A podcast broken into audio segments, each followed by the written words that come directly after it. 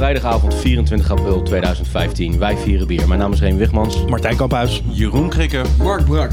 Roebekens. Vanuit ons drinklokaal in Breda is dit Potje Bier. Welcome to the number one beer podcast in the world. Pod your beer. Elke maand proeven wij vier bijzondere bieren met speciale aandacht voor Nederlandse bieren. Doe met ons mee en volg ons op Twitter, Potje bier. Facebook Potje bier. of ga naar onze website Potjebier.nl. Brik, hebben we nog wat in de mailbag deze eh, maand? Weinig. Oké, jammer. we zitten hier om een speciale reden in Breda, want we zitten hier niet zomaar in Breda, maar Roel Bukens, waar, waar zitten wij hier? We zitten momenteel, eh, momenteel op Stek. Dat is een eh bedrijfsverzamelgebied in eh, Breda, waar ik momenteel mijn brouwerij aan het opbouwen ben. We zijn te gast, dames en heren, in, eh, bij Brouwerij Frontaal. Even een applausje. .nl. Frontaal.nl, toch? Brouwerijfrontaal.nl. Ja. Letterlijk aan het opbouwen. Ja, want we zitten hier eh, wel tussen de plank eh, en... eh, We zitten momenteel letterlijk en figuurlijk in een bouwkeet, wat uiteindelijk de brouwzaal gaat worden, waar al het lekkere bier gaat gebrouwen worden. Ja. Roel, jij bent eh, vriend van, eh, van de uitzending, eh, van, je bent vriend van de show, zou je kunnen zeggen. Inmiddels wel, ja. De brouwerij is ook bevriend met de show. En om, die, om die reden ehm, gaan we met jou een speciale thema-uitzending opnemen vandaag. Ehm, want jij hebt grootste toekomstplannen, nietwaar? Dat klopt. En die ga je allemaal stuk voor stuk vertellen. Exact. En aan ons ont- ontvouwen. Want Brouwerij Frontaal gaat groter groeien. Ja, Brouwerij Frontaal gaat, eh, gaat frontaal, zou ik maar zeggen. We gaan, ja, nice. we gaan, eh, Frontaal. We gaan een eh crowdfunding actie opzetten om de brouwen echt, echt te realiseren. En eh, Daar gaan we het allemaal over hebben, deze uitzending. Maar het belangrijkste voor ons, voor de podcast, is natuurlijk dat er bier is bij Yes. Potje Bier. En dat is ook thema, want vandaag heb jij gezorgd voor de biertjesroel. Allemaal biertjes van Brouwerij Frontaal. exact, ik heb vandaag vier bieren meegenomen. Eh, het gaat uitlopen van hele milde Engelse bieren tot echt extreme stouts en, en dingen. En barrel-aged zure bieren. Dus, eh, Want dat is Oh, hoppakee, brouwt. jongens. Hoppatee. Cheers. Cheers. Want dat is Frontaal Brouwerij. Inderdaad. Het zijn allemaal biertjes van Frontaal natuurlijk. Die hij heeft meegenomen. Hij heeft, ze- heeft ze niet meegenomen. Ze waren hier al. Ja. Wat heeft ze hier gemaakt? stuk voor stuk. Stuk voor stuk. Wat hebben we nu? We zitten momenteel aan een eh, Engelse mild. Eh, heel, heel makkelijk doordrinkbaar biertje. Er zitten eh, vier moutsoorten in. Het is 3,5%. Hij is echt gemaakt Mm. om gewoon lekker... Het is, nou, het is nu inmiddels in de avond, maar het- als je lekker buiten in het zonnetje zit, is het gewoon lekker, lekker kunnen zitten. Niet al te veel bij nadenken, gewoon lekker door, door te drinken. Maar dat er net, net genoeg smaak en net genoeg bittertje aan zit om toch te denken van, oh, ik pak er nog eentje. Mhm. Is, eh, Is, is dit wat ze zogenaamd zo'n session ale noemen? Is dat met Ja. wat je in je achterhoofd had toen je dit aan het, Ja, eh, eigenlijk wel. Het is een beetje een combi tussen een table bear en een ehm, English mild. Het is een beetje eh, een table bear is echt bedoeld om te kunnen drinken bij gerechten eh, Ja. zonder al te veel ervan te kunnen proeven. Dat Mhm. het niet te sterk is. En een English mild, mild wordt eigenlijk voornamelijk echt in kroeg gedronken en dat is eigenlijk die zijn vaak wat zoeter en wat ja, meer sessionable. Dus eigenlijk is een beetje stijl een, die eh, ik eigenlijk nog nooit heb gehoord. Een English mild. Ik ken, ik ken het niet. Ja, dus eh, ik, kwam het onlangs tegen in een eh, café en toen eh, sprak het me echt enorm aan. Ik vond het enorm eh, een mooie stijl, maar het is echt heel lastig om een eh, goede mild ook echt te kunnen brouwen. Dus eh, Dus deze is ook heel vers die we nu hebben. eh, deze is inmiddels eh, drie weken oud, ja.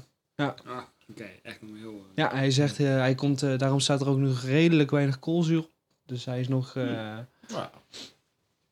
Hij mag nog wel ietsje meer, maar eh, als je er vervolgens, vervolgens kan gaan kijken naar hoe een Engelse mild gaat in elkaar zitten, kan hij net een tikkeltje meer koolzuur hebben en dan, eh, dan zit hij echt... eh, Het is dus zeg maar niet voor niks dat we vandaag met het hele lichte bier qua Ja. alcoholpercentage beginnen en qua smaken en ja, we gaan... eh, subtiliteit zit hem in dit. eh, exact. Ja, het is gewoon lekker makkelijk in, instapbiertje.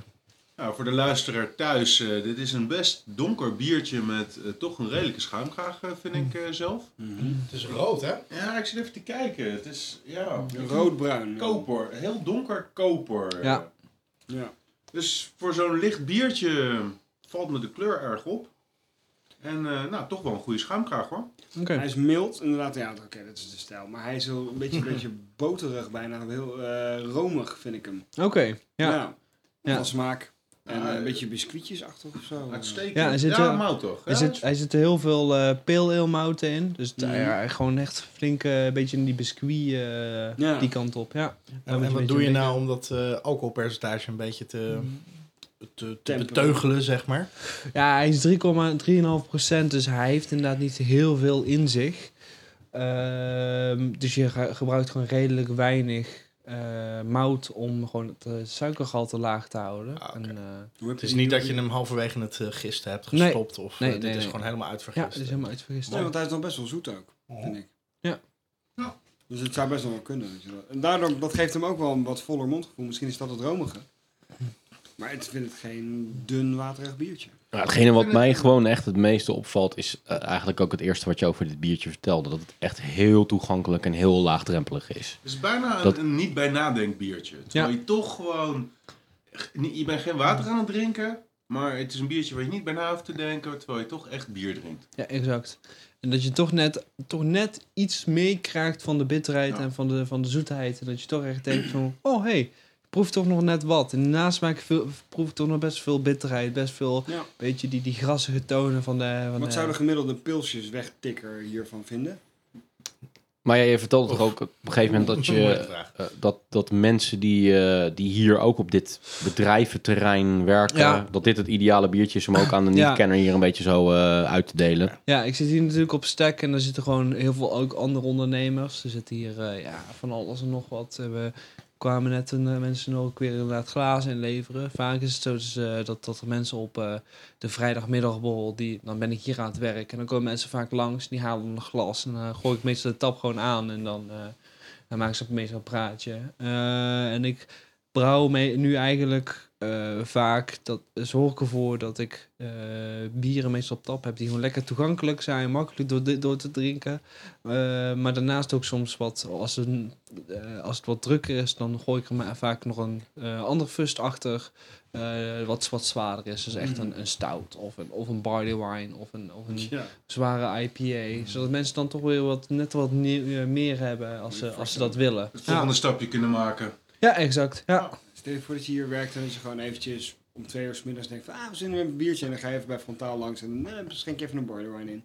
Ja. Ja, dat, dat, is, ja dat, dat gebeurt nog wel eens, ja. Relaxed, ja. echt Dat je vrijdagmiddag denkt om twee uur, zo, de week zit erop, ik ben klaar. Hebben jullie hier niet massive uh, vrijmibo's inmiddels? Gewoon dat ze vrijdag allemaal hier naartoe komen. Nou, ik ben er re- wel redelijk... eh, ik ben natuurlijk veel, heel veel aan het werk hier. Dus ik probeer het meestal echt wel na vijven echt gewoon te houden. Mhm. Eh, anders ga ik gewoon te veel afgeleid.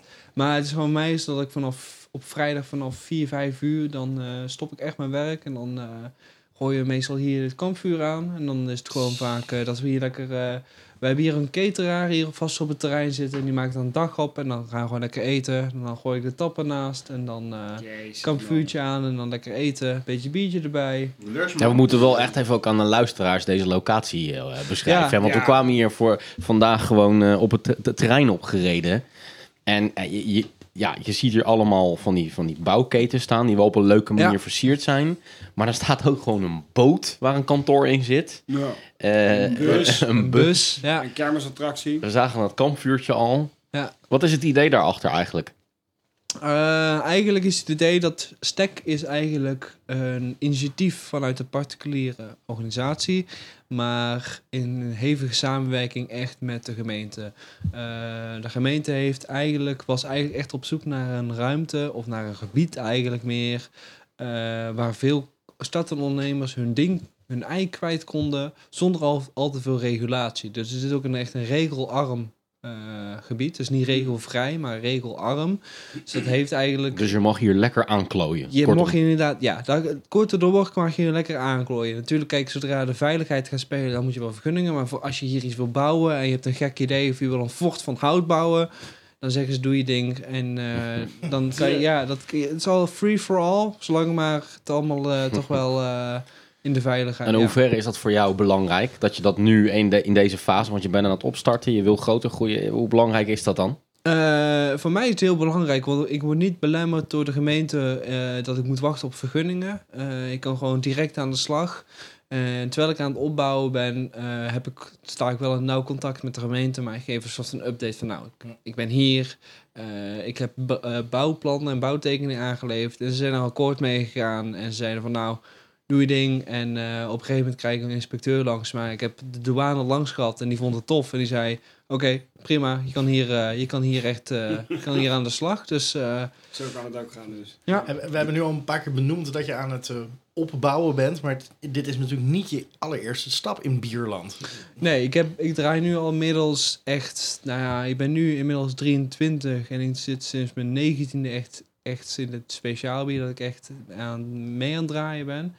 Eh, Zelf aan het brouwen. Echt aan brouwen. Ja, ik ben begonnen in, echt in Australië. Ik heb een lange tijd in Australië gewoond. Nou, lange tijd. Ik heb een tijdje in Australië gewoond. Daar ook voor eh, restaurants gewerkt en ook daar voor een brouwerij gewerkt.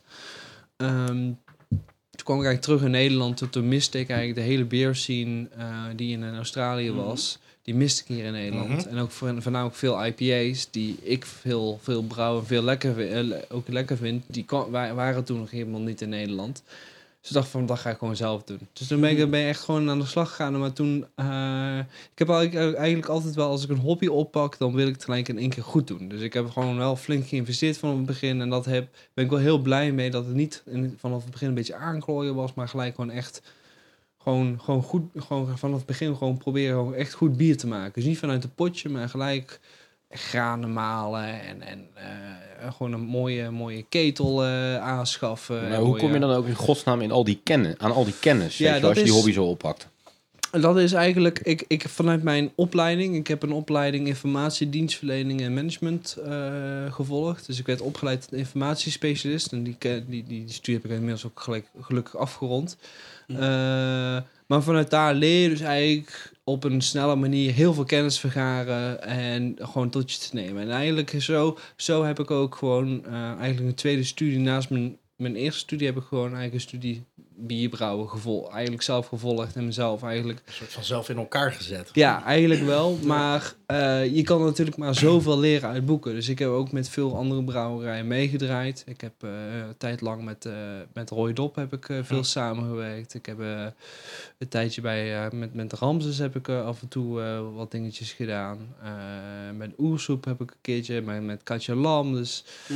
Zo ben ik af en toe wel bij, bij bij de molen bijvoorbeeld ook een paar keer. Zo, zo Dus kom je af en toe is je, wel... Is je bier-cv is, eh, is best lang. Als Ja. je zo, eh, Ja, ik heb ook nog eh, veel ook qua kennis voor verkoop en distributie heb ik veel kennis opgedaan bij, eh, bij, bij eh, Flinke Gist. Hm. En eh, gewoon inmiddels een bekend speciaal bierwinkel in Delft. ja. Twee jaar daar gewerkt, ook gewoon veel verkocht en veel, veel geregeld ook. Eh, ja, toen dacht ik, toen, toen, was, toen was het een beetje op het einde van, van mijn studie en ook daar al bij het werk. Ik dacht, weet je wat, ik ga gewoon voor mezelf beginnen. En toen heb ik frontaal opgericht. En Dat was wanneer ongeveer? dat was vorig jaar in maart. Ja, dat is, dat is dan? 2000. 14, eh, sorry, maart 2014. Ruim Ja. een jaar geleden. Maar Ruim een jaar geleden, ja. Mm. Ehm, en eigenlijk ehm, t- twee, drie maanden geleden afgestudeerd. En eigenlijk eh, een week na afstuderen direct eh, fulltime eh, eh, gaan bierbrouwen. En gewoon eh, geen eh, tussenbaantje genomen. En eigenlijk gewoon echt...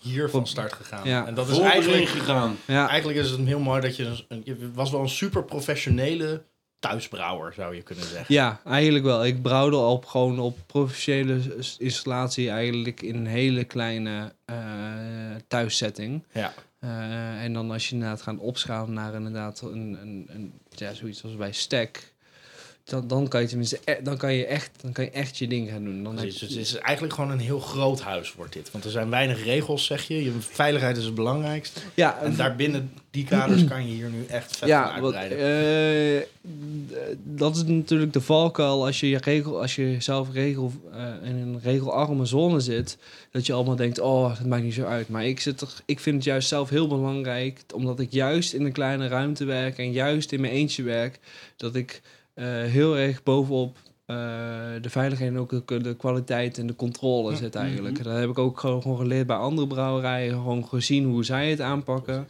Eh, ik heb het heel, van heel klein gezien dat mensen met, met, met, met z'n tweeën in een brouwerij, maar ik heb ook in een brouwerij met 60, 70 man meegedraaid en gezien hoe zij hun, eh, pro- hoe hun protocollen in elkaar zitten. Dus. En ik heb eigenlijk van alles een beetje meegepakt van, goh, wat, wat kan je...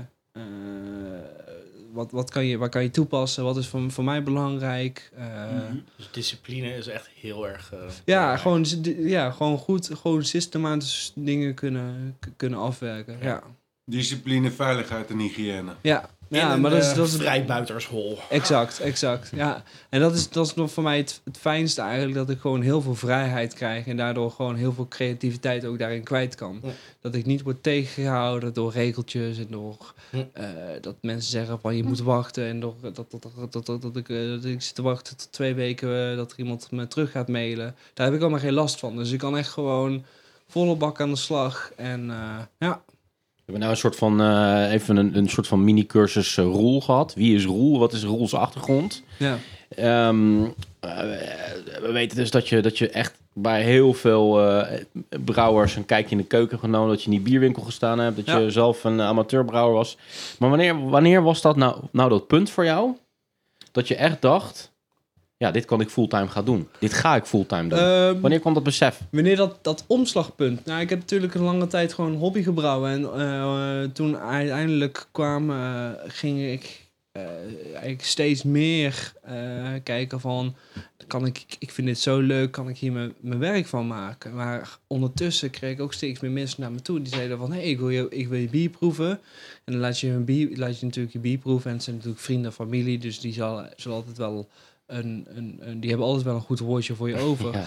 Maar eh, op een gegeven moment eh, ging een stapje verder en begon ik heel af en toe een keertje nou, op een festivaletje te staan. En ik, werd, ik ging dan eh, leveren aan biercafés. En dan komt pas de echte test. Want dan ga je, dan ga je pas meningen en, en, en, en reviews krijgen van mensen die jou totaal niet kennen. En dat jou dat- die hele gunfactor valt dan weg. En hoe waren die? Waren die een beetje mals? Ehm, nou, ik merkte wel dat inderdaad... eh, ik merkte dat, dat, dat echt heel veel mensen wel echt heel positief inderdaad op bieren reageerden. En toen kreeg ik echt wel een beetje de, de, de insteek van... Goh, ja, dit is, het is niet, niet, niet- alleen maar dat, dat vrienden en familie het leuk vinden. Het is ook gewoon dat heel veel mensen om me heen... die mij helemaal niet kennen of frontaal helemaal niet kennen... het ook nog gewoon echt lekker vinden. Dus dat was ook een beetje het signaal van... Goh, ik kan hier gewoon echt serieus mijn baan van gaan maken. Dat ik hier gewoon echt eh, ja, gewoon mijn brood mee kan gaan verdienen. En dat, dat ik ga van mijn hobby gewoon echt mijn werk maken. En dat, dat nog gewoon leuk blijft ook. Maar er zijn eh, genoeg brouwers die wij ook kennen, die ook echt flink aan de weg aan het timmeren zijn. Ehm, die doen het toch part-time. Die hebben nog een baan daarnaast. Jij, gaat er, jij bent klaar met je studie nu net. Ja, Jij gaat fulltime in jumpen. ja. Ehm, het verschil tussen hun eh, en tussen eh, het verschil tussen, tussen die brouwers en, ik, dat het, eerste, het grootste verschil is eigenlijk dat zij vaak contract brouwen. Zij laten hun bier bij andere brouwers brouwen. Eh, want zij durven de stap niet te maken met het feit dat, ze, dat het gewoon een heel enorm risico met zich meeneemt. Als jij de stap maakt dat jij een grote investering moet leveren, moet, dat jij veel geld moet investeren. En dat je maar moet hopen dat het gaat, gaat lopen. En dat je de eerste twee, drie jaar waarschijnlijk maar re- redelijk weinig gaat verdienen. Of, zelfs gewoon bijna niks. Eh, dat, dat daar veel brouwers van afschrikken. Maar ik ben redelijk, ik ben gewoon jong. Ik heb nog heel weinig eh, lasten. Ik heb, ik heb gewoon, ik heb, ik heb, ja, ik, ik, ik heb nog zoveel, ik ben zo flexibel daarin. Dat ik, eh, dat ik daar gewoon makkelijk ook gelijk die, die, die stap ook durf te maken.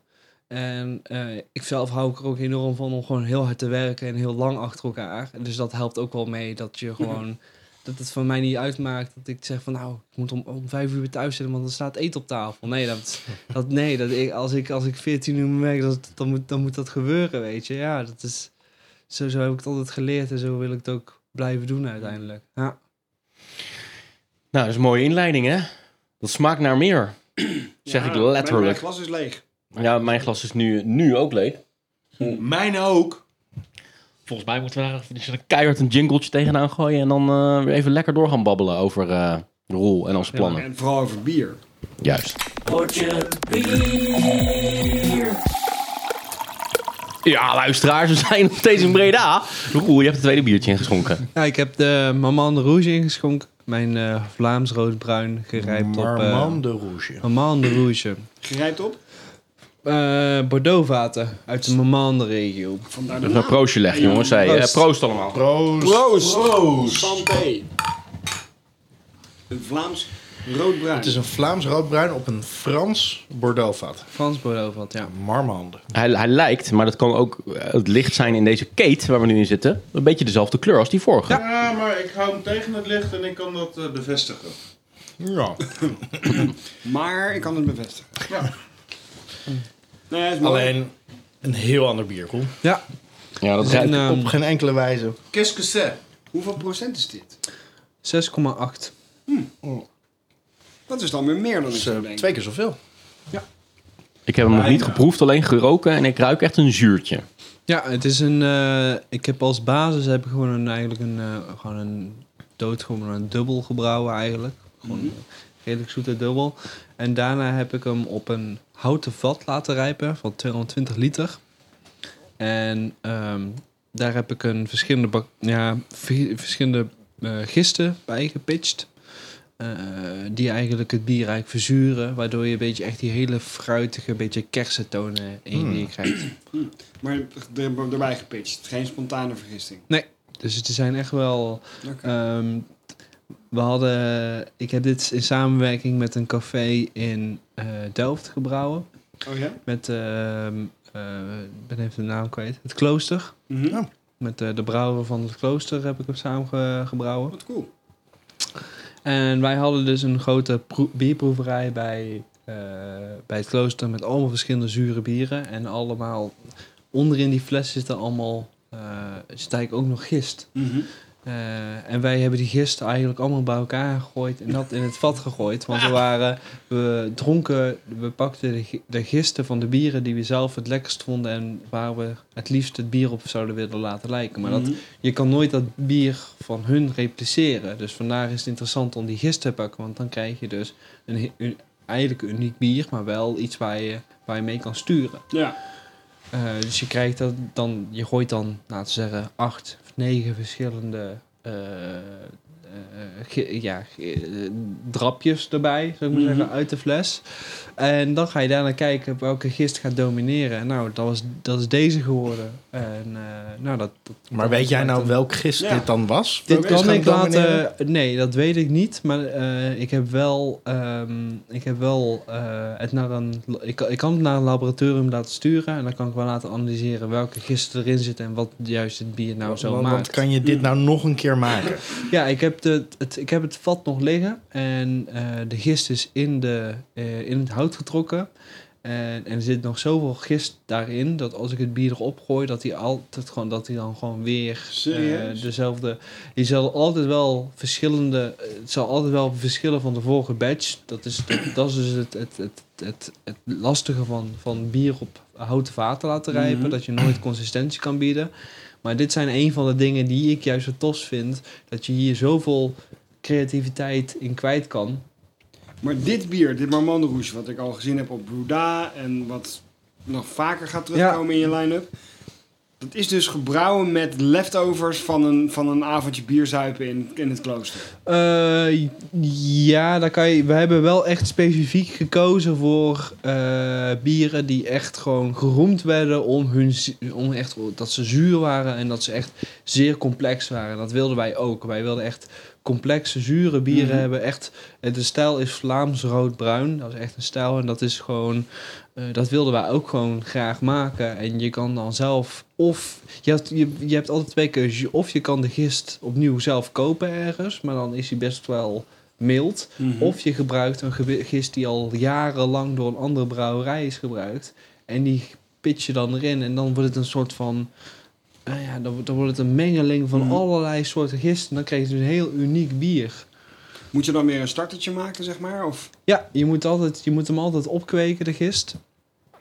Eh, dan Dus het is niet keer- op diezelfde avond erin gegaan. Nee, nee. Het is wel dat je... Hmm. We, we hebben al, we, wat we hebben gedaan, we hebben alle gist wel allemaal bij elkaar in één grote, in één grote fles gedaan. En daar een starter van gemaakt. En daardoor Hm. kan je dan zien, kan je dus ruiken eh, na een paar dagen hoe die zich heeft ontwikkeld. Want Mm. uiteindelijk gaat de meest dominante gist in die fles gaat dan de hoofdrol spelen. Maar het fijne is dat we hebben gisten gebruikt die altijd, die niet zomaar uit het veld geslagen zijn. Dus die zullen altijd nog wel een soort van kleine onderrol. Dus je krijgt Mhm. gewoon een unieke blend die je gewoon nergens anders kan repliceren. Je hebt eigenlijk gewoon een veldslag in die fles laten plaatsvinden. ja, exact. Ja, en uiteindelijk de sterkste, die was, was niet de overwinnaar, maar dat was de, de net wat ja, duidelijk de meer, de, ja de, meer, de meer dominante. En die gaat dan de hoofdrol spelen. En dat is juist het mooie. Dat is, dat is dus, dan zijn er nog acht verschillende andere gisten die juist, ehm, die juist een andere... Nog wel subtiel aanwezig zijn. Exact. En die Ja. juist ook meer bijdragen aan het bier, maar niet dat je dat niet zo 1, 2, 3 snel oppikt. Weet je wat het eerste is wat, wat in mij opkomt eh, als ik dit biertje drink? Nou, Ik krijg hetzelfde gevoel hierbij als toen ik echt jaren en jaren en jaren en jaren geleden voor de eerste keer een kriekje heb gedronken in België. oké. Ja. Je had het al over kersen of zo, maar Ja. kun je dat gevoel begrijpen? Bij dit bier? Nee, om eerlijk te zijn niet. Ik ook niet helemaal. Wat bedoel je? Het eerste zo? kriekje wat ik dronk was namelijk meer zoet. En daar speelde gist en wat, dat, wat, wat voor resultaat dat oplevert geen enkele rol. Want dat was gewoon echt een ontzettend commercieel zoet dingetje. Of, jouw of jouw eerste kriekje was gewoon echt een heel goed kriekje. Nou, het was best wel een zure, ja. Ik heb Ja? er niet zo eentje in België. Ja, het was Ja, in België echte, toen. Een echt een goede kriek gedronken Ja. als eerste. Ja. Nou, netjes. Ja. Dan, dan kan ik me er inderdaad iets, in, iets bij voorstellen. ja, ik ben natuurlijk ook vroeger begonnen met de zoete krieken. En eh, als je dan eenmaal overgaat op de meer complexe zure krieken, en dan, dan noemen we even namen zoals eh Rodenbach bijvoorbeeld, de Grand Cru. Of bijvoorbeeld Mariage eh, parfait. Mariage Parfait inderdaad. Nou, dat zijn de meer echt complexe. En dat, was, daar, dat is ook waar ik echt naar op zoek was. Dat is ook gewoon echt veel interessanter om mee te werken. Ja, Nou, Ik vind de zuurheid heel mild hier. Het hij is wel zuurig. ik ben wel benieuwd naar je reactie. Want in de meeste uitzendingen komt wel naar boven van... Dat is meestal niet jouw ding, Nee. de zure biertjes. Nee. Dus wat vind jij dan van deze? Ik vind deze heel lekker. Maar omdat, omdat die zuurheid dus naast de andere smaken staat... in plaats van er heel dik bovenop ligt... dat je er echt door een hele dikke laag van zuurheid heen Ja. moet graven... voordat je eens bij een andere smaak komt. Ja. Er zit wat kruidigheid naast, er zit een bittertje naast. ehm, het, het voelt Maar goed in het balans. basisbier is een normaal bier, zei je. Een Dubbel. dubbel. ja eigenlijk Ja. een dubbel. Ja, we hebben gewoon een, eh, gewoon een eigenlijk een donk, eigenlijk gewoon- ja, niet eens echt klas- een klassieke dubbel gebrouwen. Gewoon eigenlijk ervoor gezorgd Ja. dat het Zelfs gewoon. dat proef je ook nog wel. Er zit ergens nog wel iets heel licht karamellerigs Ja, onderin. ja, ja. Dus dat was ook het idee. Dat je inderdaad dat je niet zomaar een, een echt een zure bom krijgt. Maar dat je dus gewoon een mooi gelaagd biertje. Want deze heeft een jaar op een houten vat gelegen. En daar nog een jaar echt op fusten gestaan. Dus daar heeft hij... En dit is een bier dat, ze, dat gewoon altijd zich blijft doorontwikkelen. Hoe gaat het nou eigenlijk? hè? Je vertelt nou eh, over hoe dat, dat biertje tot stand gekomen is. Hè? Maar dat is wel een, leuk, eh, een leuke algemene vraag. Ook zo van... Hoe, hoe, hoe komt een nieuw biertje tot stand bij jou? Hoe, hoe, hoe maak je een nieuw bier? Hoe doe je dat? Hoe komt dat idee in één keer naar, eh, naar voren? Eh, vaak is het zo dat ik wel inspiratie krijg van eh, andere bieren erin die ik drink. Maar ook vaak dat ik... wel even, ik, zal- ik zal je een, een tweetal voorbeelden geven, dan is het Mhm. een beetje concreet. Ehm, ik had altijd dat ik als ik vrijdagavond thuis kwam, van, dan had ik vijf dagen gewerkt en dan kwam ik thuis en dan wilde ik eigenlijk gewoon iets drinken, maar dat ik niet gelijk onder de tafel zo, zo, zo verdwijnen. Dus ik wilde eigenlijk bieren dat gewoon makkelijk doordrinkbaar was voor mij ook thuis toen als hobbybrouwer, zonder dat ik er echt gewoon, zonder dat ik er echt iets van voelde. Dus ik was eigenlijk op zoek naar gewoon een, een laag bier, eh laag alcohol, alcoholisch biertje.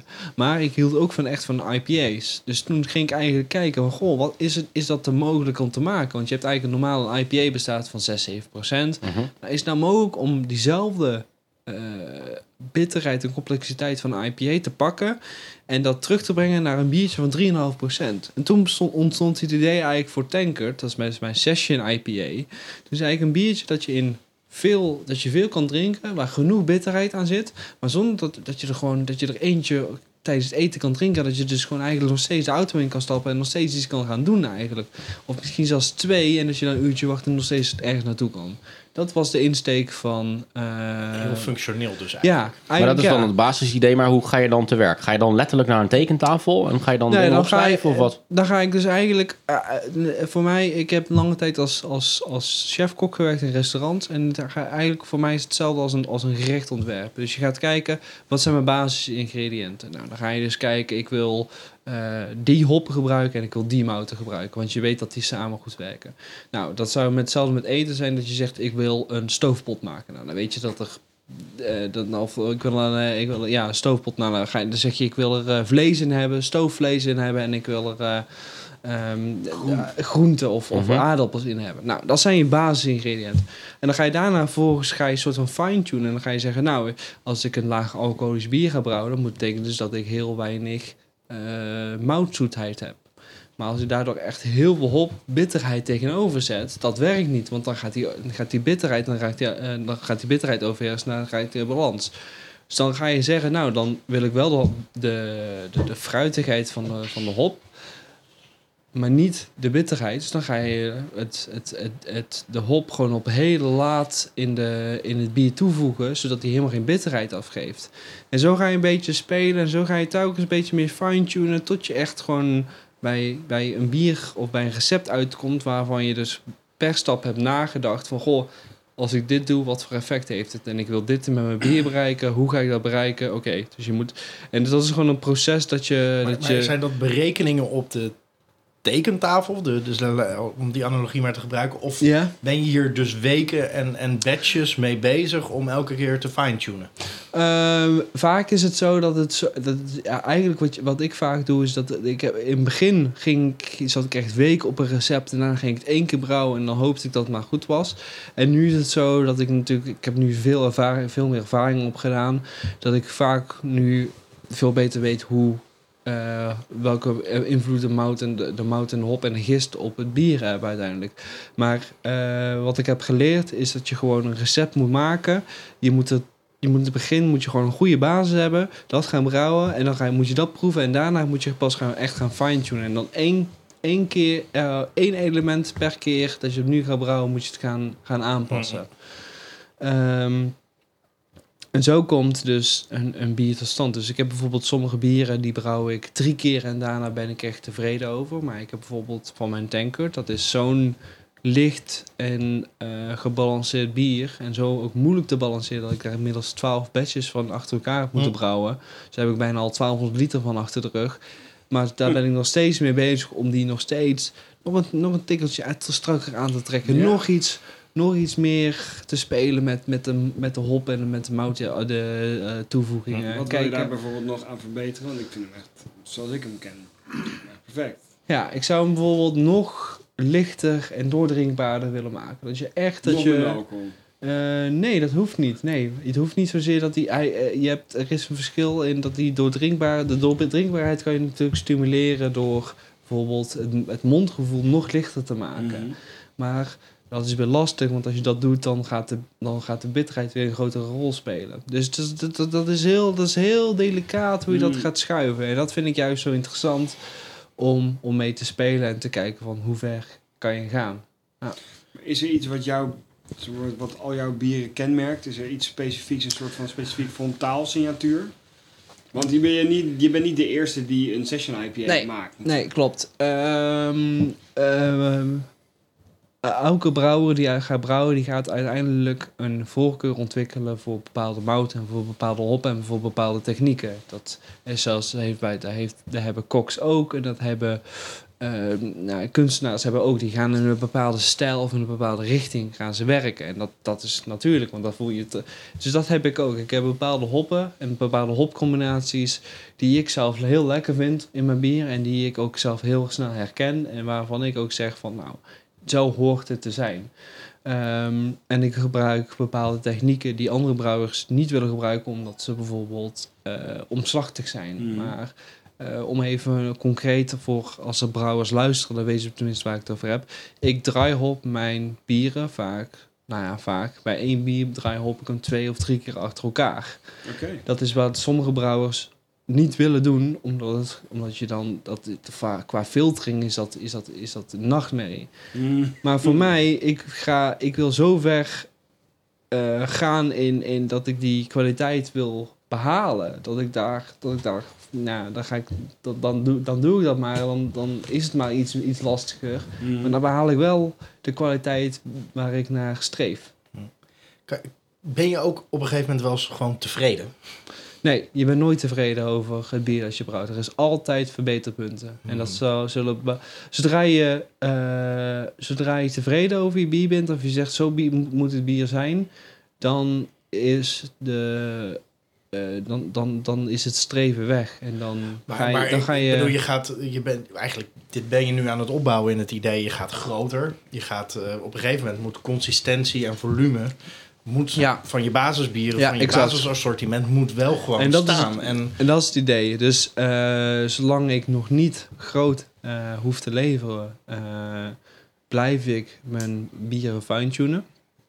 Maar zodra dat wel gaat, dan moet je op een gegeven moment inderdaad de keuze maken van ben ik hier voldoende tevreden over? Zo ja, dan ga je het bier inderdaad voeren zoals het is. En zelfs dan zijn er nog natuurlijk mogelijkheden dat je heel, heel klein telkens een telkens st- maar tikkeltje even voor mijn beeld van, van alle bieren die je tot nu toe hebt gebrouwen, van hoeveel heb je nu eigenlijk wel een beetje het idee van, nou deze zijn af genoeg om straks eh, Ja. in productie te gaan. Ik heb dus mijn basis eh, bestaat uit een viertal bieren. Eh, en daar ben ik nu voldoende tevreden over Ja. dat ik zeg, die wil ik echt gaan voeren. En daar ga ik niks, meer- daar ga ik niks meer aan doen, want die zijn, zo, die zijn gewoon zo hoe ik ze wil hebben. Dan heb En ik- welke zijn dat dan? Ja. Dat zijn mijn, eh, dat is mijn tankard. Mhm. Mijn eh, American Session Ale van 3,9%. Dan is dat mijn Lumberman. Dat is mijn Red Rye IPA. Dus met eh, karam- veel karamelmout en veel rogge erin. Dan heb ik mijn Bulldog. Dat is mijn American IPA. Dat is gewoon echt een, echt een oer-Amerikaanse West Coast IPA. En dan heb ik mijn eh Balliard. En dat is mijn Coffee Oatmeal Stout. En dat is met koffie en haver. En die, en die vier bieren die, zijn, die hebben de wereld ook al aardig gezien, toch? Vier, toch? Ja, Die zijn ja. al aardig in omloop geweest Ja, al. ze zijn inderdaad al inderdaad in de omloop geweest. Eh Tankert staat inmiddels inderdaad vast op de kaart bij een café Samsam hier in Breda. Eh, en dan hier en daar eh, duiken wel eens wat fust op inderdaad in eh, cafés. En die worden inderdaad... eh, die gaan er altijd redelijk snel doorheen. En daarnaast draai ik ook steeds meer evenementen, ook hier gewoon in Breda en regio, eh, met die bieren. En die worden altijd goed ontvangen.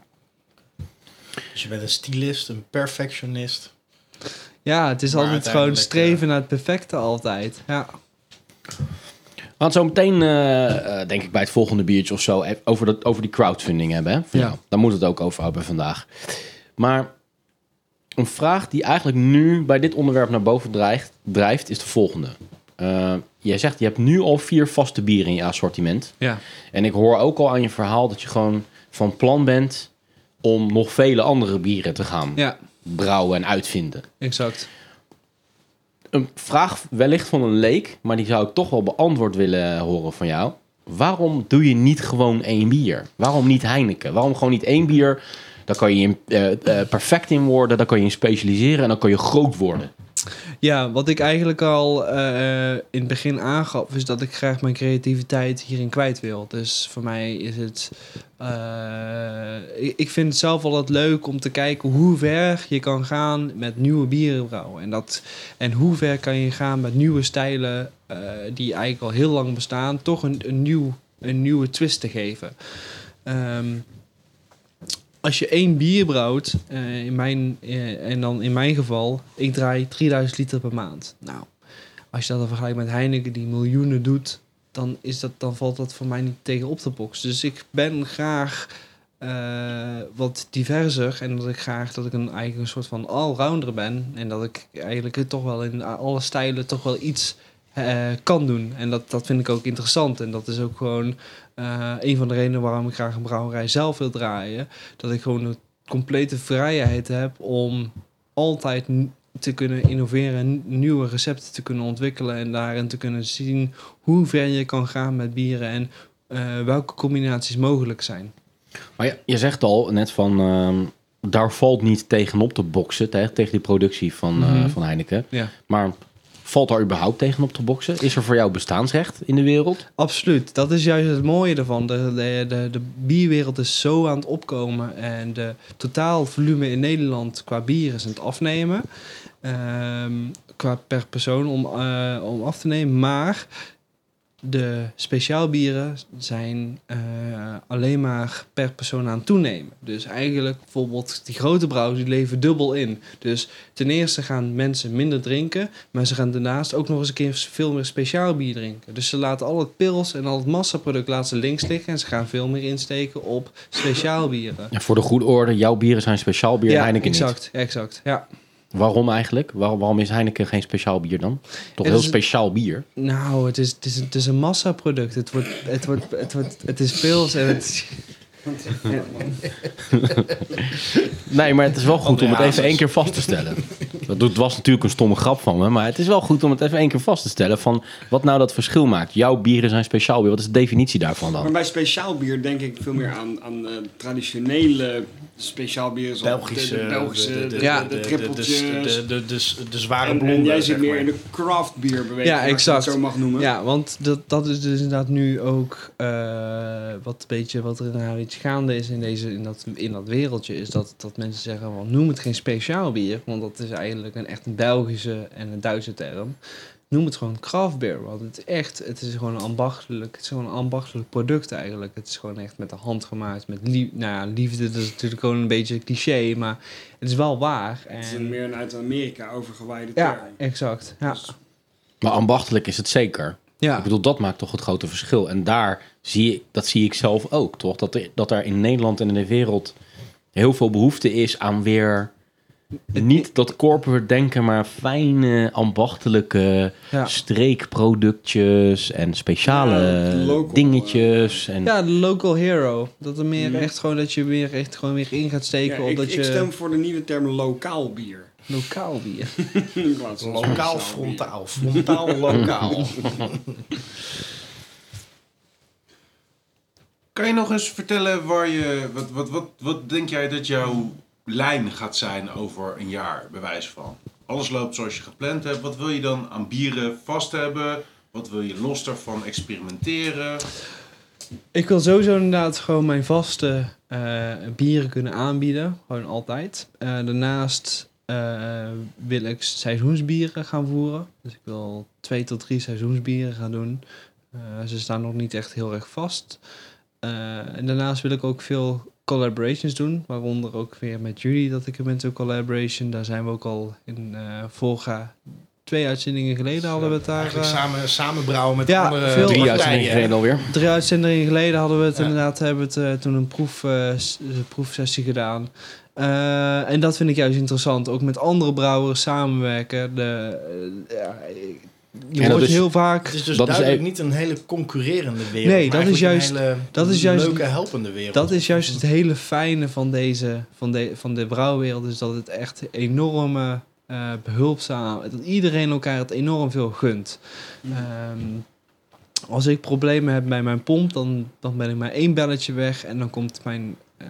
Ja, eh, in sommige. ja, het is me- ik zou het mijn concurrent kunnen noemen, maar ik noem het gewoon mijn vriend. Die komt dan gewoon langs en die komt een pomp afgooien, bij wijze van spreken. Eh, maar dat, is, dat, dat, zie je, dat, dat, dat komt omdat de speciaalbierwereld momenteel in Nederland zo in opkomst is, dat we met z'n allen gewoon bijna de vraag niet aankunnen. En dat Ja. je daarom iedereen wil heel graag dat dit gewoon goed gaat lopen. Dus je, je gunt het elkaar ook gewoon. Ja. En niet iedereen is liefhebber natuurlijk. En iedereen, is een, iedereen zit in de speciaalwereld is gewoon, ja, gewoon een enorme, enorme geek. En die vindt het ook gewoon leuk om daarover te hebben met anderen. En die, ziet- die ziet niet meer, die ziet dat niet als, oh nou... eh, Maar is het ook commercieel interessant om die, die, die collaborations te doen met andere brouwers? Absoluut, want het is eh, als, je, als je heel erg in je, in je eentje gaat brouwen, dan ga je, naar, ga je naar je eigen stijl brouwen. Maar als je juist collaborations, dan ga je, word je juist. Voor mij is het interessant dat ik daardoor een beetje word getriggerd om juist buiten mijn eh, comfortzone te gaan werken en te kijken van wat is er mogelijk wat ik eigenlijk niet, eerst niet voor mogelijk hield of wat, wat is er, hoe kijken andere mensen tegen, tegen bier aan wat ik misschien denk van dat is niet mogelijk of dat is niet lekker. Dat, dat zij zeggen van nou, zo kan het ook, weet je wel. En dat, dat vind ik juist, je leert ook heel veel van elkaar. En dat vind ik juist zo, zo interessant van deze, van deze wereld. Ja. Nou, we zijn eventjes helemaal lekker opgewarmd met het biertje en dit verhaal. We zijn helemaal opgegeld nu, denk ik. Dus ik zou zeggen, laten we nog maar even een biertje eh, gaan inschenken. En dan maar eens eventjes gaan hebben over, over, de, over de zakelijke kant. Maar eerst een jingle, toch? Wat je wil gaan crowdfunden. Maar dan knallen we inderdaad eerst even een... Jingle erin. Nou, we zijn hier nog steeds in Breda. Nee. De stomme catchphrase dit. Roel, even serieus nou, ja. Even serieus. Maar hoeveel geld heb je eigenlijk nodig om te investeren? Ehm, het streefdoel is eh 90.000 momenteel. Voor, om de brouwerij echt draaiende te krijgen. 90.000? 90.000. 90.000. En dat ga je doen... Door middel van een crowdfunding actie. Waarom crowdfunding? Ehm, waarom crowdfunding? Ehm, toen ik begon met de brouwerij, toen had ik dus eigenlijk een begroting gemaakt. Eh, het begon eigenlijk met, goh, wat heb eigenlijk nou echt nodig als een professionele brouwer? Ehm, en het eigenlijk, uit, daaruit groeide eigenlijk een soort van marketingplan. Of eigenlijk meer een, gewoon een businessplan. Goh, nou, je, je kan van alles en wat bedenken. Eigenlijk misschien is wel handig om even eigenlijk op een rijtje te zetten. Van, goh, wat is er nou nodig om echt een, een professioneel, of van je, van je hobby echt een professioneel iets te maken. Dus toen heb ik eigenlijk een, een businessplan opgezet. En toen ben ik ook eh, beurzen afgegaan en gekeken van, goh, wat is op de markt eh, voor, eh, voor grotere brouwerijen. En toen kwam ik eigenlijk af dat, dat het echt, dat dat best allemaal best wel duur was. Meer dan 90.000.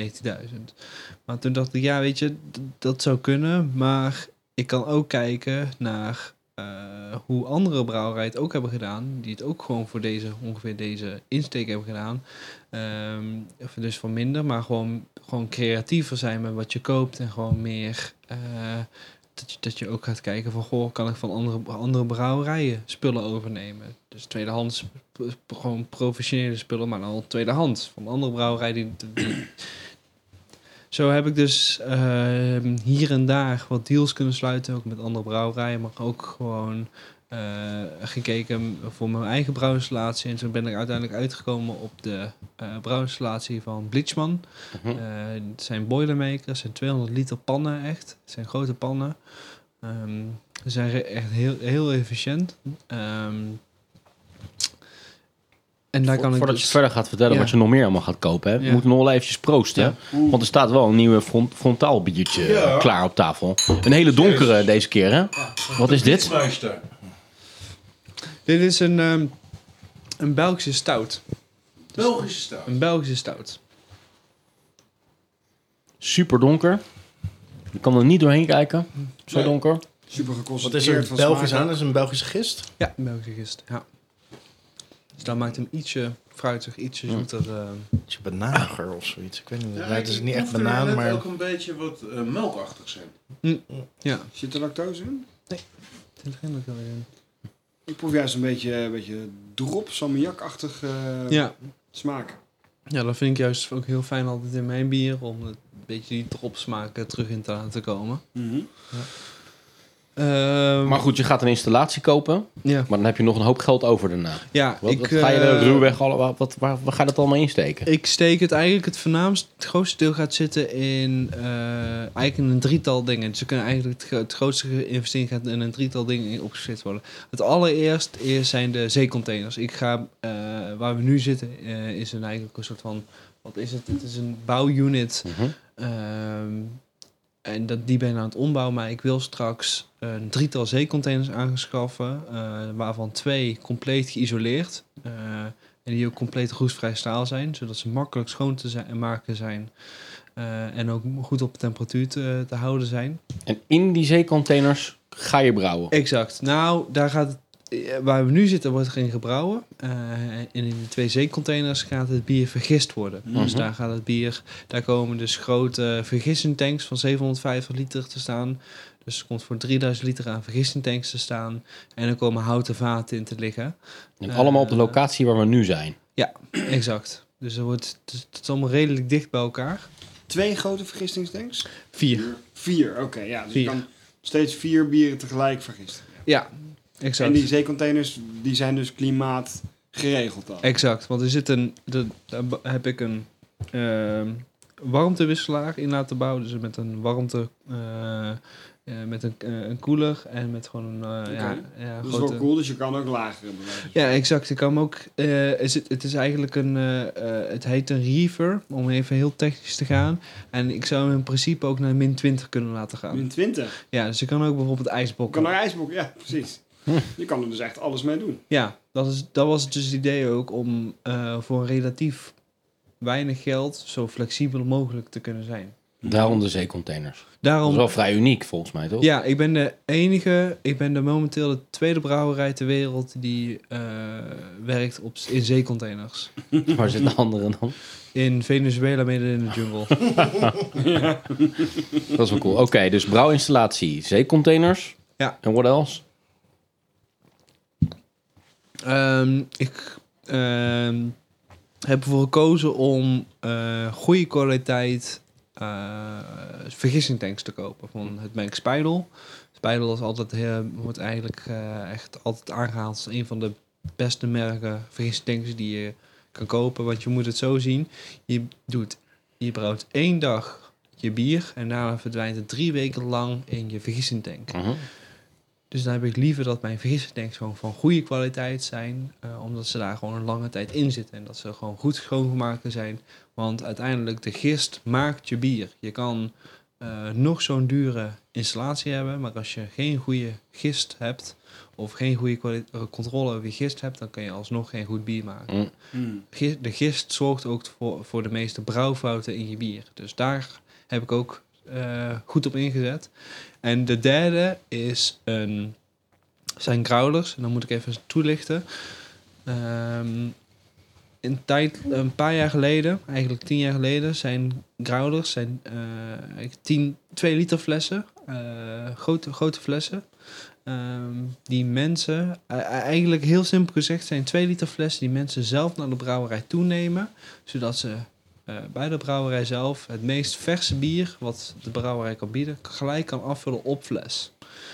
Eh, Ze hebben een eigen fles waarmee ze kunnen refillen bij de brouwer. exact. Dat Of zoals het vroeger ging met de melkboer. exact. En je En eigen dat, melkflessen. exact. En dat, dat, daar wil ik wel gewoon weer op inhaken. Ik vind, Mm. het, ik vind het zelf een heel tof concept. Momenteel wordt dat nog niet in Nederland eh door brouwerijen gebruikt. Waar heb je dat dan gezien, als het niet in Nederland was? Eh, ik heb het eh, in Amerika eh, zijn heel veel brouwerijen ermee bezig en het is een heel groot succes. Ehm,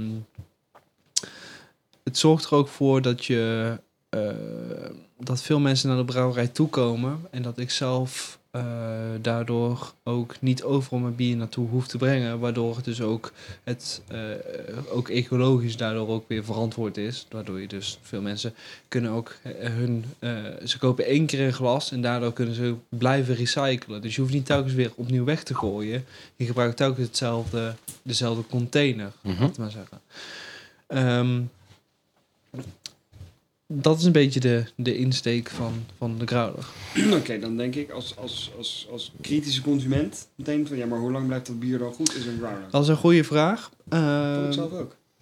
Want er gaan, er gaan twee liters in. 2 liter.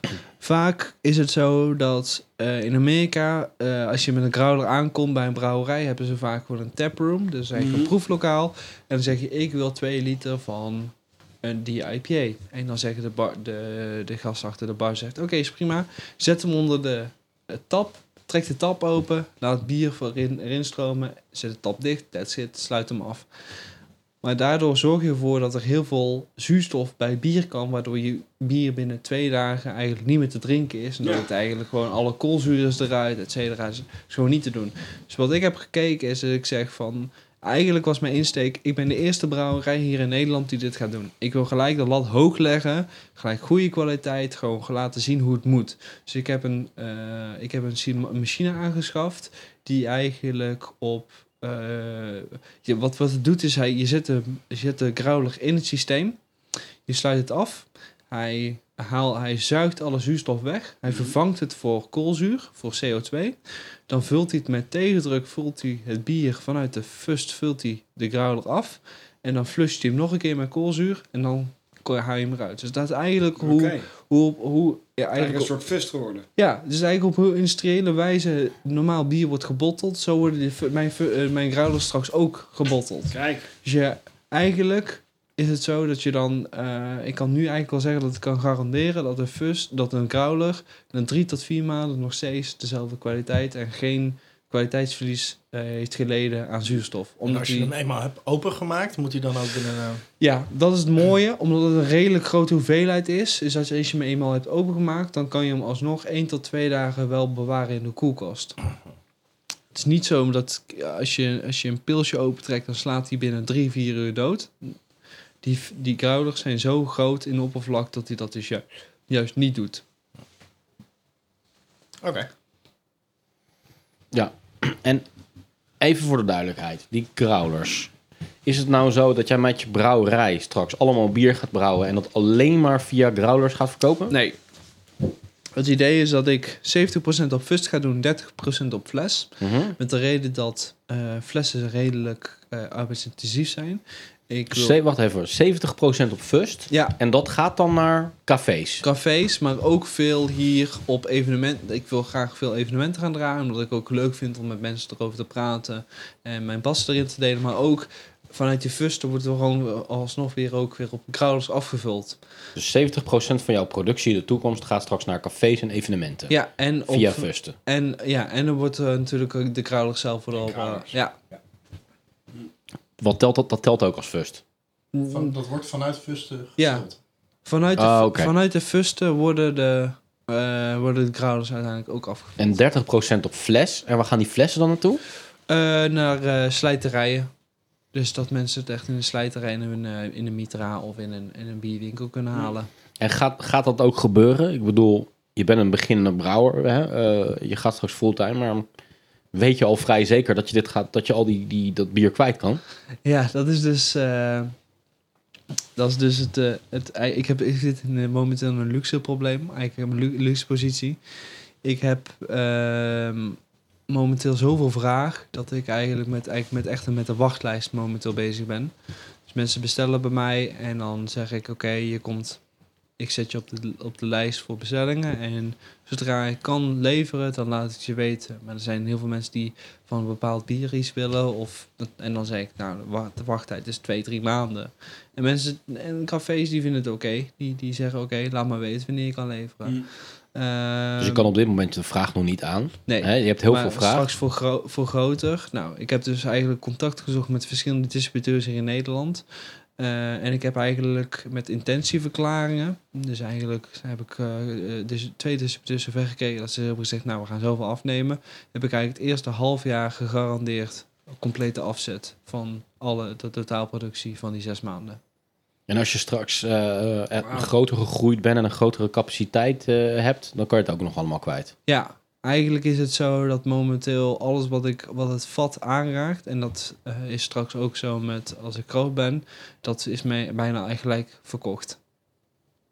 Dus dat raak, je, raak ik allemaal kwijt. Want dat is wel echt een luxe positie voor een startende Ja, ondernemer. dat dit, is hè? eigenlijk een, een vloek en een zegen, want ik verkoop momenteel enorm veel nee. En dat ga ik straks ook waarschijnlijk nog steeds doen. Veel nee verkopen, omdat het gewoon, de vraag is zo, zo enorm, dat ik het niet tegen opgebokst kan krijgen. Oké, even terug naar, die, naar die openingsvraag. Hè? Want we weten dus nu waar je dat geld aan gaat besteden. We weten wat je allemaal gaat doen. Maar waarom ga je een crowdfundingsactie doen? En hoe gaat die er dan precies uitzien? Ja, ik heb ervoor gekozen om een crowdfunding actie, omdat ik eigenlijk gewoon heel simpel gezegd krijg ik het geld gewoon niet. eh, normaal, traditioneel krijg je natuurlijk als je, als je een bedrijf begint, ga je gewoon naar de bank. Mhm. Die, daar- dat is waar het, bank, waar het geld zit. En dan vraag je leningen aan en dan moet je met een goed businessplan aankomen. En dan geef, leen je je geld tegen een, bepaald, tegen een bepaalde rentepercentage. Nou, ik was... Ik ben, ik ben jong en eh, ik heb net mijn studie afgerond. Eh, ik heb redelijk weinig ervaring in hun ogen in, in de industrie. Dat ze eigenlijk hebben gezegd, dat gaat niet door. Dus ik heb er eigenlijk toen voor gekozen om te zeggen, oké, als het niet volgens, voor de, eh, via de bank kan, dan moet het maar via gewoon het publiek gaan. Die, hoop, die gewoon in mij, hopelijk in, gewoon echt in mij gelooft, in mijn ideeën en in, in, mijn, gewoon in mijn kunnen gelooft. Dus toen heb ik ervoor gekozen om echt om crowdfunding op te zetten, om crowdfunding eh, actie op te zetten en te gaan, eh, het geld bij elkaar te, te halen via leningen eigenlijk. Gewoon particuliere leningen. Is dat iets wat je, wat je om je heen ook gezien hebt bij andere brouwers? Ja, ik, eh, er zijn twee. eh, er zijn momenteel twee eh, brouwerijen eh gecrowdfund. Eh, Mhm. Eentje van is brouwerij Kees. Eh, die liep binnen drie dagen, had hij 100.000 euro binnengehaald. De andere is Oedipus eh, uit Amsterdam. En die had binnen 11 dagen 100.000 euro binnengehaald.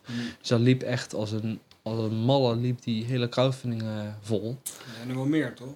Ja, er zijn nog wel meer voorbeelden, maar dat zijn de twee, twee grootste die ik, eh, die ik gezien heb, ook op eh, grote platforms eigenlijk.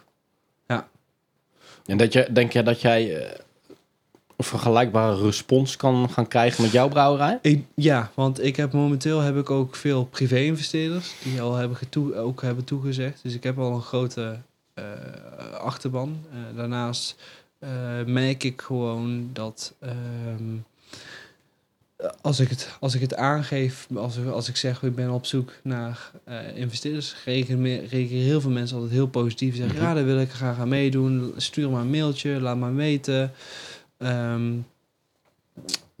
en ja, over het algemeen zijn mensen echt heel positief. En ook als eh, ik heb natuurlijk nu al een marketingplan achter de rug, een investeringsplan en een financieel plan. En die leg ik meestal ook gewoon mensen eerst voor. En dan zeg ik van lees eerst dit door en kijk daarna of je er echt mee in zee wilt. En heel veel mensen zijn er echt heel positief over. Dus ja. Als ik, als ik aan crowdfunding denk, weet je wel, dan denk ik eigenlijk niet in eerste instantie aan eh, de combinatie met bier. Maar dan denk ik eigenlijk altijd aan twee dingen. Dan denk ik altijd aan mensen gaan crowdfunden, zeg maar, als ze fan zijn van het idee of fan zijn van het bedrijf.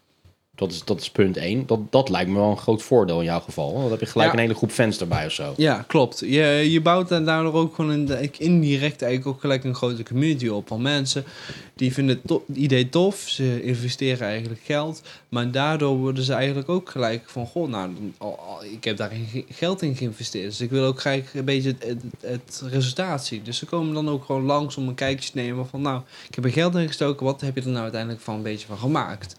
Nou, ehm, En je vertelde natuurlijk ook op een verjaardag. Van, weet je waar ik Exact. geld in heb Ja, gestoken? exact. Nou, een onwijs nieuwe brouwerij. Ja. Super lekker bier, frontaal. En, eh, exact, exact. Ja. En het tweede waar ik altijd aan denk bij crowdfunding, dat is veel belangrijker voor een eenvoudige podcaster als ik.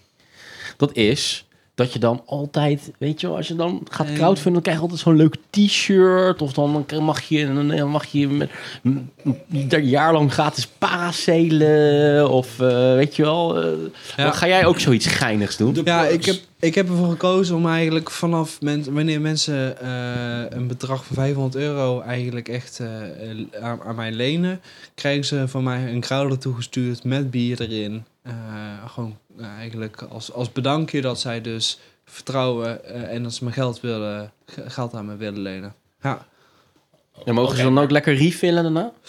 Dan kan je, ja, dan kan je gewoon inderdaad, eh, dan kan je inderdaad weer gewoon de growler, eh, je, je krijgt de growler opgestuurd. Ehm er komt gewoon een, eh, eigenlijk komt er, eh, ko- komt va- vaak, je krijgt gewoon een pakketje met, met daar de schoonmaakmiddel in, ingeleverd. Mhm. Zodra het de growler leeg is, dan gooi je het schoonmaakmiddel in, vul met water. En als je growler gewoon weer mooi schoon, kan je terugkomen, dan kan je gewoon weer terugkomen afvullen. Hey, maar waar ik aan denk bij crowdfunding, is dat het niet gaat om liefdadigheid. Hè? Nee, Mensen die investeren, als ik wil investeren in jouw brouwerij, Ja. dan wil ik er wat voor terug. Natuurlijk een growler, iets van het product. Ik wil feeling krijgen met wat jij maakt. ja. Maar mijn geld zit in jou. Mhm. Krijg ik het terug? Ja, ik heb ervoor gekozen om niet inderdaad ervoor te kiezen van... goh, je investeert en je krijgt... of je, je geeft maar geld en je krijgt alleen de crowder en that's it. Het is echt wel... Je sluit echt een lening af. Dus je krijgt gewoon terugbetaald in een, eh, in, eh, over een betalingstermijn van vier, vier jaar... met een eh, minimaal rentepercentage van 6%. Op, op het startersbedrag, zeg maar. Ja, op, het- dus wat je inlegt... Stel, stel je legt eh eh 1000 euro in... Mhm. Eh, nou, in vier jaar tijd krijg je die 1000 euro. Met in het begin krijg je dus 6% over die 1000 euro. En dan elke maand krijg je dus eh de eh, bedrag terugbetaald. Maar wat ook veel mensen hebben aangegeven, eh, die eerder investeren, die zeggen van ja, maar ik heb helemaal geen interesse in, die, in het rentepercentage, want dat is zo weinig over die 1000 euro. ik heb li- veel liever dat je me gewoon bier levert. En Ah, dat ja. is ook mogelijk. Maar als jij, stel dat jij, stel dat jij 2000 euro inlegt, dan, is dan, dan krijg je van mij een krat bier. Maar dat vinden mensen weer te veel. Maar bijvoorbeeld, daar zou je wel voor kunnen kiezen om elke twee weken gewoon je growler te komen afvullen bij mij. Tegen, in, in ruil voor dat rentepercentage. Dus dat, eh, daar is veel, ik ben, daar is redelijk veel flexibiliteit in. Maar Dat kan veel. betekent ook dat je echt grote capaciteit moet gaan brouwen. Als mensen hun rente in, eh, in producten Ja, eh, maar dat, is dus, maar dat is dus juist het mooie. Dus dat ik eigenlijk het, het zo tof zou vinden als heel veel mensen gewoon naar eh, de brouwerij toe komen en gewoon hier komen bier drinken en hun growler komen afvullen. En dat het gewoon echt een lokaal, lokaal iets wordt. En dat het Hmm. niet. Ik, mijn insteek is uiteindelijk wel dat ik overal in, er, in Nederland. Maar in het begin wil ik juist voornamelijk echt. Ik vind, ik, ik zit momenteel nu. eh, ik heb hele lange tijd in deze wijk gewoond. En ik vind het een hele fijne wijk. En daar wil ik ook graag. Die community wil ik ook heel graag blijven steunen uiteindelijk. Dat vind ik ook gewoon heel interessant om daar. Eh, onderdeel van te zijn. En eh, ik draai altijd ook gewoon. ehm, eh, de prioriteit is altijd de lokale evenementen hier in Belgium en hier in Breda ook voor mij. Maar, maar als ik in Groningen woon, kan ik ook toch wel investeren. Ja, dan kan je ook investeren en dan krijg je ook gewoon die growler opgestuurd. En als jij langskomt in Breda, dan krijg je, kan je ook gewoon je growler komen afvullen. En dat, dan, dan, dan vind ik dat ook gewoon tof. Dan vind ik dat ook gewoon enorm tof dat je uit, helemaal uit Groningen naar mij toe komt om die growler af te vullen. Ja, Dus je Dat is toch investeert super? omdat je een liefhebber bent, omdat je eh, feeling hebt met, met eh, frontaal. En omdat je er misschien ook een beetje geld mee kan ja exact. Ja, het is gewoon Ja, een win-win is voor iedereen. gewoon Ja. De waarheid van, eh, van investeren, toch? Maar mensen die kunnen dus ook... Kijk, die, die, die, die ladingen fans en investeerders die je straks eh, binnensleept... Als je eh, groot gaat in die crowdfundingsacties... die is helemaal van onder tot boven gevuld met geld... ja. dan kunnen dus die, die dus ook allemaal hier komen... ehm, en dan is er hier ook wat te doen op je locatie. Ze kunnen je letterlijk komen bezoeken. Ja. En dan, wat maken ze dan mee? Nou, vaak is het dat ik... eh, ik doe vaak vrijdagmiddagborrels. Dus dan eh, van, van op vrijdagmiddag, dan, eh wat ik net al vertelde, wij gooien meestal het, eh, het kampvuur eraan. Nou, dat is redelijk. Ik is, zoals je gezien hebt, naar het voor de luisteraars, we hebben ongeveer anderhalfduizend vierkante meter hier op het terrein momenteel. En eh, het is gewoon redelijk open. Dus we kunnen veel mensen kwijt. En het is ook altijd, we, we verwelkomen ook iedereen. Eh, maar ik ben ook van plan om echt gewoon een proeflokaal te bouwen. Dus dat niet alleen eh, mensen gewoon bij het kamp, maar dat mensen ook echt bij mij boven gewoon die, die, die, die- dat proeflokaal wordt uiteindelijk op die twee zeecontainers gebouwd. En mensen kunnen daar gewoon ook lekker zitten, eh, gewoon lekker biertje drinken. Er wordt eten geserveerd vanuit de lokale cateraar met lokaal voedsel. Dus dat is een beetje de insteek van, van, ja, van het idee. Dus het ideale romantische plaatje is dat mensen jou steunen Ja. om een grote brouwerij te worden. Ze investeren zelf ook nog wat geld en dan krijgen ze een rende- rendement op. Exact. En dan kunnen ze tevens kunnen ze gezellig een dagje naar Breda komen. Ja. Bovenop jouw zeencontainer gaan zitten de hele dag. Biertjes bier proeven. Ja. En uiteindelijk kunnen ze straalbezopen in de auto stappen met een volle growler. En dan eh, aan de overkant eh, de, de, de gracht in rijden. Nou, niet dat laatste natuurlijk. Maar je begrijpt, dat, dat is een beetje het idee. Alles behalve de grachtigheid en, en de dronken auto is inderdaad het idee. Eh, Moet wel Ja, verantwoord worden gedronken Gewoon een natuurlijk. verplichte eh, analyzer, eh, een breathalyzer te hangen, toch? Pas open als je ja, ja, ja. Maar je gaat ook op heel veel events staan, Ja. zei je. ja, ik vind En events zijn, specifiek gezien, dat zijn bierfestivals ja, of zo. voornamelijk veel bierfestivals. Ja. Dan heb je er tegenwoordig echt fucking veel van in Nederland, toch? ja, ik organiseer natuurlijk ook... eh, ik organiseer natuurlijk ook zelf een eh, eh, bierfestival hier in Breda. Ehm, vorig jaar trok dat ongeveer 750, 700 man ongeveer, zoiets. Ongeveer 738 man. Ja, zo, ja, dat was een beetje de, dat was ook de insteek. Eh, en dit jaar heb ik hem opnieuw weer georganiseerd. En toen dacht ik, nou, heet het, Bruda heet het inderdaad. Breda's Bierfestival. Eh, Daar zijn wij vorig jaar ook geweest. Hè, de, onze trouwe lu- luisteraars weten dat we daar eh ons eerste gebrouwen biertjes... Die we, die we de wereld in geslingerd hebben... die hebben we daar voor het eerst laten testen aan het grote publiek. Dat was de En de- finale van de De Brew-Off. echte vastluisteraar weet ook dat ik keihard gewonnen heb toen. Met mijn biertje. Maar dat, dat doet hij niet. Dat doet hij even niet doen natuurlijk. eigenlijk niet gaan crowdfunden voor jouw biertje. Ja, dat, dat komt nog. Ik, ik stil al Roels zijn ideeën vandaag. En dan, eh, Ja. dan haal ik hem gewoon links en rechts in. Maar terug naar Bruda. Maar terug naar Broeda. Ja, ik heb Wanneer dus... is het dit jaar? Dit, dit jaar is het 5 september, wordt het gehouden. Kijk. Ik heb ongeveer twee, weken, twee dagen geleden heb ik het evenement eh, online gezet. En eh, ja, het animo is echt fantastisch. Eh, momenteel staan er 1700, 1600, nou 1600 man staat echt on, eh, de 24, ja, 24 april is vandaag en er staan 1600 man staan eh, op aanwezig. En de verwachting is dat de 2.500 tot 3000 man, ja, eh, man trekken dit jaar. Dus eigenlijk een ververdubbeling van vorig jaar. Holy In een paar dagen tijd al 1700 aanmeldingen. Ja. En waarom denk je dan dat dat gaat aftoppen op 2500? Dat is een beetje wat ik ook vorig jaar eigenlijk. eh, Hmm. En ook, ik heb, ik, draai, ik heb ook meegedraaid in eh, heel veel andere organisaties voor andere evenementen. En dat is een beetje de koers eh, Hmm. waar het meestal op eh, uitkomt. Ja.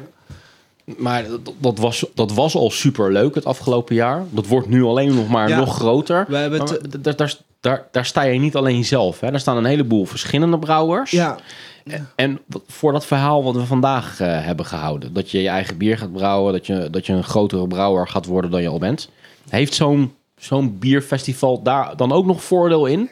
Want je staat naast al je concurrenten. ja, dat is dus juist het mooie ervan. Is dat het juist. eh, het is natuurlijk gewoon. Ik vind, het, ik vind het juist altijd heel tof om juist andere eh, lokale eh, brouwerijen ook een, een, een podium te geven. En te laten zien van goh, ik zit in Breda, maar dat, dit is in Tilburg en dit is in Bergen op Zoom en dit is in Roosendaal ook gewoon. Dit wordt daar ook gewoon gebrouwen. En ik wil dat, ik vind dat, en, en zij doen dat ook in return ook weer voor mij. Dus het is. eh, het is daar, is elkaar gewoon heel erg, heel erg steunen. En ook eh, elkaar heel erg steunen daarin ook. En ook gewoon eh, vriendschappelijk gewoon laten zien. Bijvoorbeeld. Maar je kan, Het mooie van die bierwereld. Ja. je Ja, dat- kan er daarmee, daarmee ook een hele hoop mensen in Breda eh, even, even wel mooi laten zien wie jij bent en wat je, wat kan je, wat je kan organiseren. exact, ja. En dat, dat, dat, dat, dat ehm, de insteek Kun je van die leuke geintjes uithalen dan bijvoorbeeld? Dus zo van, dat je dan zo afspreekt dat er allemaal brouwers eh, komen. En die komen, want die waren er vorig jaar al. Een hele lijst van bekende brouwers. Ja. Ik bedoel, de bekendste brouwers die er stonden.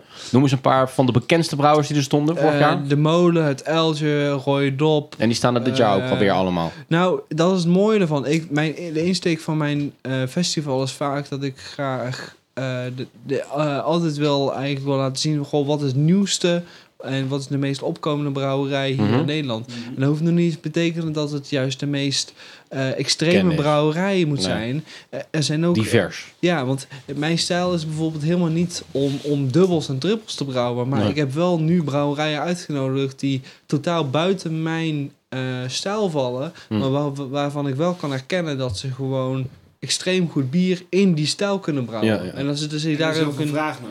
En er is, nou ja, er is ook veel vraag naar. Ja, dat- nee, dat- maar onder het gewone publiek wat gewoon lekker een lekker biertje wil drinken. Ja. Maar een IPA veel te bitter vindt. Ja, dat, is, dat, dus, dus, eh, dat, dat vind ik dus ook dat, dat er vaak van die brouwerijen zijn die heel goed zijn, maar eigenlijk een veel groter publiek verdienen die, dan ze Ja. dat nu krijgen. En dat, en dat wil ik met Brewda dus graag doen. Ik wil juist Mommeriet, men, bijvoorbeeld.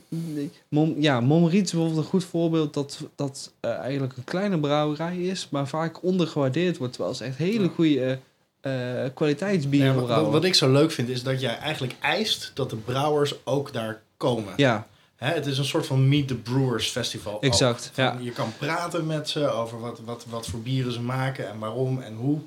Eh, en daarmee krijg je natuurlijk heel veel feeling met, met, met, met het bier Ja. en met de brouwers. Ik, ei- ik, eis dat er geen, ik eis dat de brouwers zelf aanwezig zijn. Geen vertegenwoordigers. Mm. eh, geen eh, distributeurs. Eh, geen derde partijen. Alleen maar de brouwers. En als de brouwers... Echte brouwers. Alleen maar de brouwers. En als zelfs... Ik heb, ik heb, ik heb brouwers gehad die... Of ik heb brouwerijen gehad die heel populair zijn momenteel in Nederland. Eh, maar die hebben gezegd... Ik kan niet, maar ik kan wel vertegenwoordigers sturen. En ik heb gewoon nee gezegd. Want ik wil gewoon echt dat de brouwer zelf aanwezig is. En dat of is... de assistentbrouwer. Of een assistentbrouwer. Maar iemand, hoe Maar ja, iemand die... Iemand die in de potten roert. zeg. Ja, Hoe werkt het exact. met huurbrouwers?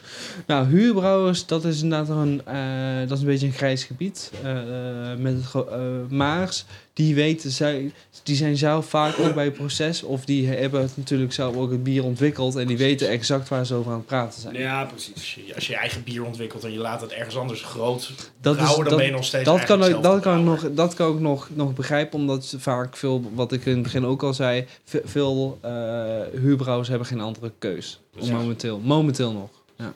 Maar wat ik dus net wou zeggen, hè, wat je dan kan doen, is een tippie van mij. hè, Dat is een tippie. Dat je dan zeg maar dat, dat, dat festival dan zeg maar zo organiseert. En dan om je eigen brouwerij gewoon even een boost te geven. Dat je dan een geintje uithaalt zo. Dat je dan zo op die dag, dat het al het andere bier van al die andere brouwers gewoon vijf keer duurder is dan jouw bier.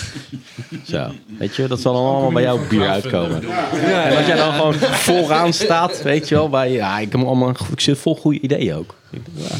Zeker een goed Ja, heel goed idee. Hè? Gewoon, gewoon de markt ondermijnen, gewoon met goedkoop bier. eh. Komt, gaan we hierna nog een laatste frontaal biertje proeven? Of Ja, was dit ja. de laatste? Of was dit de We laatste? gaan hierna nog één bier eh, proeven. Want eventjes, wat, wat, wat vonden we eigenlijk van deze? We hebben het er nog nauwelijks over gehad. Van ons, de Belgische stout, toch? Ja, Belgische stout. Wat vonden jullie ervan? Hij is op. Ja, hij is Eh, lekker. van heel erg lekker. Ja, Nou, wat ik zei, een beetje romig. ehm, dat? stout. Ja. Melk. Romig. Oh. Ja, ik, ja, ik weet het weer. Ja, precies. Eh, zoetig, romig, eh, maar ook de, de koffie en eh, de gebrandheid. Dus eh, hoe, hoe, hoeveel alcohol eh, zat hierin? 10,5. Oh, nou dat proef je er absoluut niet aan af. Eh, ik zou 7 gegokt hebben. Super lekker. Dat vind ik ook bij die Marmande Rouge. Vond ik dat ook al heel erg meevallen. Ja. Dus de alcohol is goed verstopt. Ik vond hem wel, ja, nou, het, ik vond hem lekker. Maar niet helemaal mijn, nee, maar het is gewoon niet, ja, ik, Wat hij is deze? te geconcentreerd voor mij. Deze. Maar ja, dat is een kwestie van smaak. Je moet, het, is wel, het is echt wel een heel uitgesproken, best wel heftig biertje. Het is geen allemans vriendje. Nee, klopt. Nee, dat, is, dat was niet, ook niet de insteek van... Nee, precies. Dus dat mag ik dan ook wel zeggen. Proost gelijk. Nou, we gaan zo meteen nog even een laatste eh, bier van, eh het laatste biertje van Fontaal proeven. En eh, ook eh, ons eh, mega uitgebreide verhaal een beetje afronden. Maar eerst moeten we natuurlijk nog even Oh, een jingle. Denk ik. keihard een jingle drinken.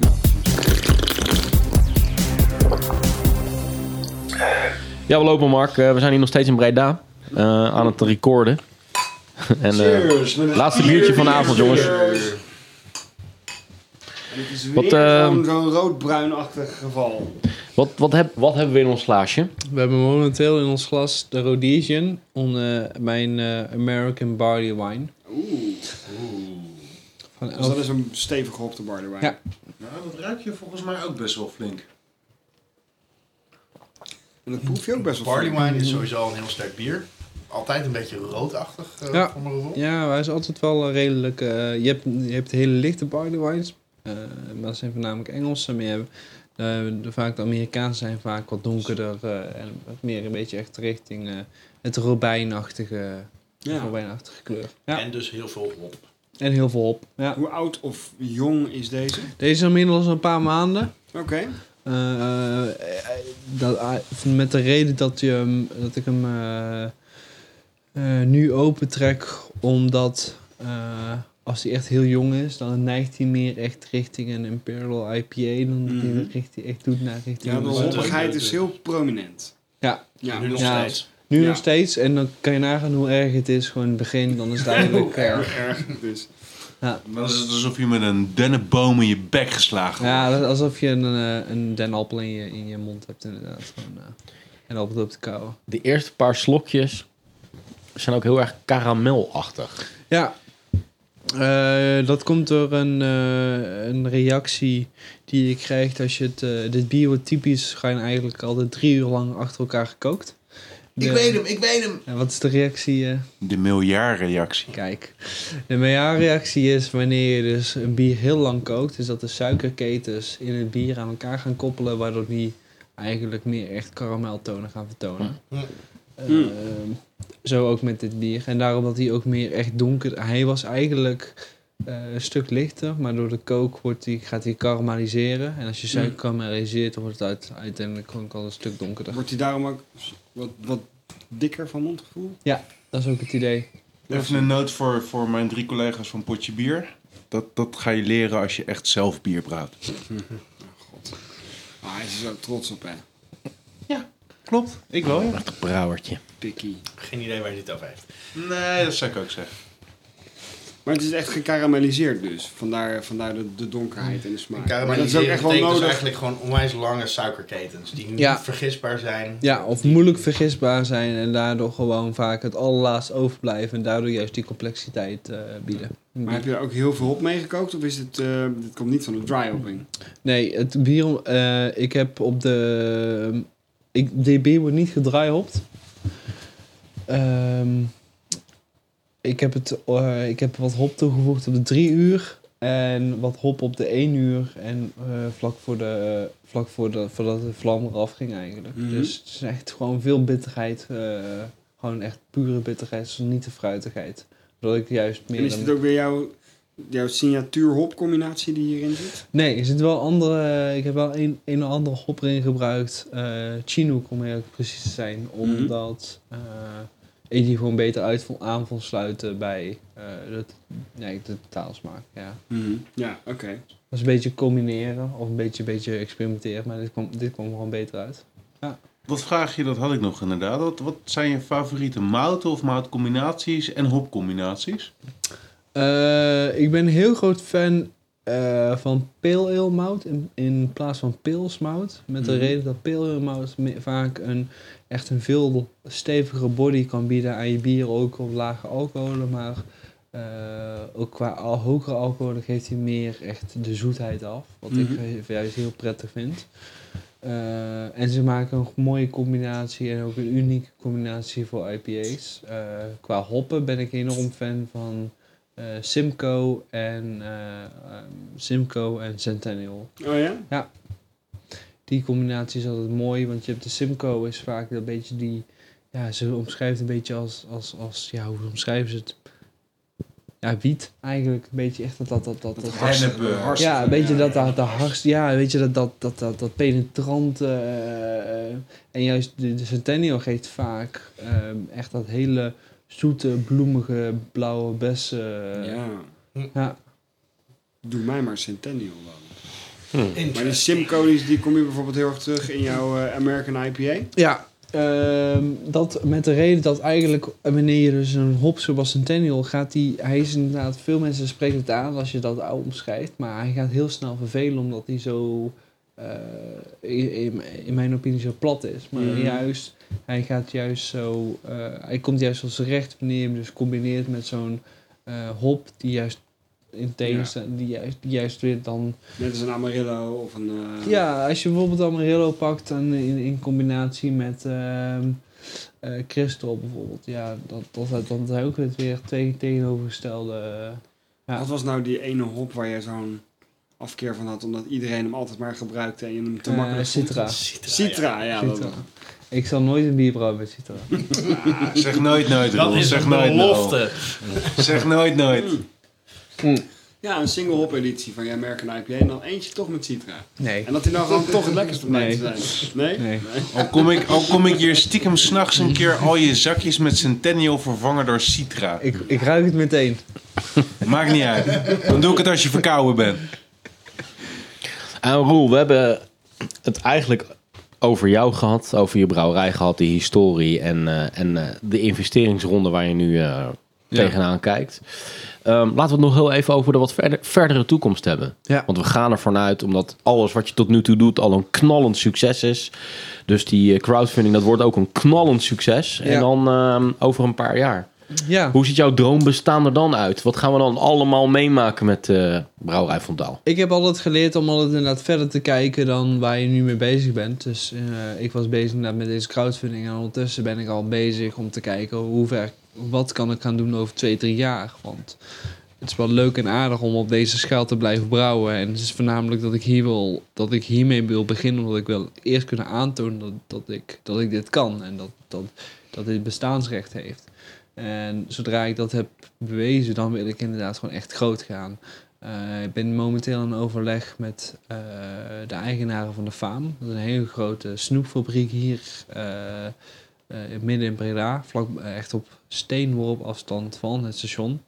Eigenlijk een complex van 6.500, 7.000 vierkante meter. om daar gewoon echt een grote brouwerij in te vestigen en daar ook gewoon grote productie te kunnen draaien. Eh, Is dat een snoepfabriek of een oud snoepfabriek? eh, dat was een snoepfabriek tot vorig jaar.